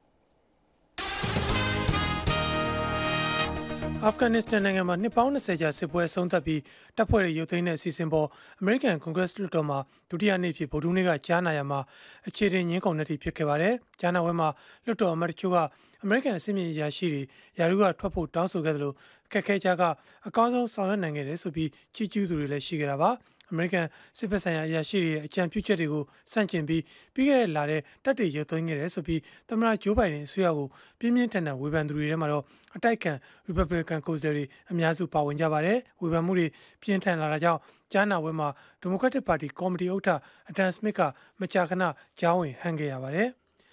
ဘင်္ဂလားဒေ့ရှ်နိုင်ငံဒုက္ခသည်စခန်းမှာတနက်သမားတွေလက်ချက်နဲ့ထင်ရှားတဲ့ရိုဟင်ဂျာခေါင်းဆောင်တယောက်သေဆုံးသွားပါတယ်။ငင်းချင်နဲ့လူခွေရေးဆိုင်ရာရခိုင်ပြည်နယ်ကရိုဟင်ဂျာအဖွဲ့အစည်း ARPSH ဥက္ကဋ္ဌဦးမိုဟစ်ပူလာကိုဗုဒ္ဓနေ့ညနေပိုင်းမှာတနက်သမားတွေအနိကပစ်သွားခဲ့တာလို့အဖွဲ့ရဲ့ပြောခွင့်ရသူကိုကိုကပြီး AFP သတင်းကဖော်ပြခဲ့တာပါ။ပြစ်ခတ်ခံခဲ့ရပြီးနောက်ဒုက္ခသည်စခန်းတွေကနေစည်းမချဆရာဝန်များအဖွဲ့ MSF ရဲ့စေကန်းကိုတည်သွားရင်မဲ့ဒဏ်ရာတွေနဲ့တည်ဆုံသွားကြောင်းလည်းသတင်းကဖော်ပြပါဗျ။ရိုဟင်ဂျာခေါင်းဆောင်တည်ဆုံခဲ့တဲ့အတွက်အလွန်မင်းဝမ်းနည်းကြောင်းနဲ့ဒုက္ခသည်စခန်းတွေမှာငြိမ်းချမ်းရေးနဲ့လုံခြုံရေးအတွက်တာဝန်ရှိသူတွေနဲ့ဆက်သွယ်နေတယ်လို့လည်းဒုက္ခသည်များဆိုင်ရာကုလသမဂ္ဂမဟာမင်းကြီးယုံ UNHCR ပြောခွင့်ရက AFP သတင်းဌာနကိုပြောဆိုခဲ့တာပါ။သူတည်ဆုံမှုကြောင့်ရိုဟင်ဂျာတွေခွင့်ရေးလှုပ်ရှားမှုတွေထိထိခိုက်ခဲ့ရတယ်လို့ဒုက္ခသည်စခန်းတွေမှာလုံခြုံမှုရှိတဲ့လိုအပ်တဲ့အခြေအနေတွေကိုထင်ရပြသနေတဲ့အကြောင်းလည်း နိုင်ငံတကာလူ့ခွင့်ရေးလှုပ်ရှားမှုဖွဲ့တစ်ခုဖြစ်တဲ့ Human Rights Watch ကြေညာချက်ထုတ်ပြန်ပြောဆိုခဲ့ပါတယ်။ဖေဖော်ဝါရီလတည်းရဲ့စစ်တပ်ကအာဏာသိမ်းပြီးတဲ့နောက်နောက်ဆက်တွဲကြုံတွေ့နေရတဲ့မြန်မာနိုင်ငံကနိုင်ငံရေးအကျပ်တွေကိုနိုင်ငံတကာအတိုင်းဝိုင်းကအမြန်ဆုံးတုံ့ပြန်ဖြေရှင်းကြဖို့ကုလသမဂ္ဂအတွင်းရေးမှူးချုပ်အန်တိုနီယိုဂူတာရက်စ်ကတိုက်တွန်းလိုက်ပါတယ်မြန်မာနိုင်ငံကိုဒီမိုကရေစီအသွင်ကူးပြောင်းရေးလမ်းကြောင်းပေါ်ပြန်ရောက်လာအောင်နိုင်ငံတကာနဲ့ဒေသတွင်းအတိုင်းဝိုင်းကတညီတညွတ်ထဲနဲ့မြန်မြန်ဆန်ဆန်အင်တာအားတဲ့ဝန်ဝဲဆောင်ရွက်ကြဖို့ ဗုဒ္ဓဟူးနေ့ကထုတ်ပြန်တဲ့အတွင်းရေးမှူးချုပ်ရဲ့အစီရင်ခံစာမှာတိုက်တွန်းထားတာဖြစ်ပါတယ်။ကျေးဇူးပါရှင်ကိုအောင်လွင်ဦးကသတင်းချင်းချုပ်ကိုတင်ဆက်သွားတာပါကြာတာပတိနေ့နေ့ခင် VOA မြန်မာပိုင်းအစီအစဉ်ကိုမြန်မာစံတော်ချိန်နေ့နဲ့6နာရီကနေ9နာရီထိတင်ဆက်ခဲ့တာပါရှင်ကျမတို့ VOA မြန်မာပိုင်းရဲ့ရုပ်သံအစီအစဉ်ကိုတော့မြန်မာစံတော်ချိန်ည9နာရီခွဲက9နာရီကနေ9နာရီခွဲထိတင်ဆက်မှာမို့စောင့်မျှော်နားဆင်ကြပါရှင်ဒီကနေ့မနေ့အစီအစဉ်ထုတ်လုပ်ရေးမှုကတော့ကိုညံဝင်းအောင်ပါရှင် ရုပ်သံအင်ဂျင်နီယာကတော့ Kelvin Fowler ဖြစ်ပါတယ်အတန်ဖန်အင်ဂျင်နီယာကတော့ဇူပဲပါရှင်ကျမကအင်ဂျင်နိုင်ပါ VOA မြန်မာပိုင်းကတင်ဆက်နေတဲ့အစီအစဉ်လေးကိုနားဆင်ကြည့်ရှုအားပေးကြတဲ့အတွက်ကဘာတလွားကသောရရှင်အားလုံးကိုကျေးဇူးအထူးတင်ပါတယ်ဘေးအန်ဒီရဲ့အသွေးအသွေးကနေကင်းဝေးကြပါစေလို့လည်းဆုတောင်းပါတယ်ရှင်ရှင်လန်းချမ်းမြေ့ကြပါစေ။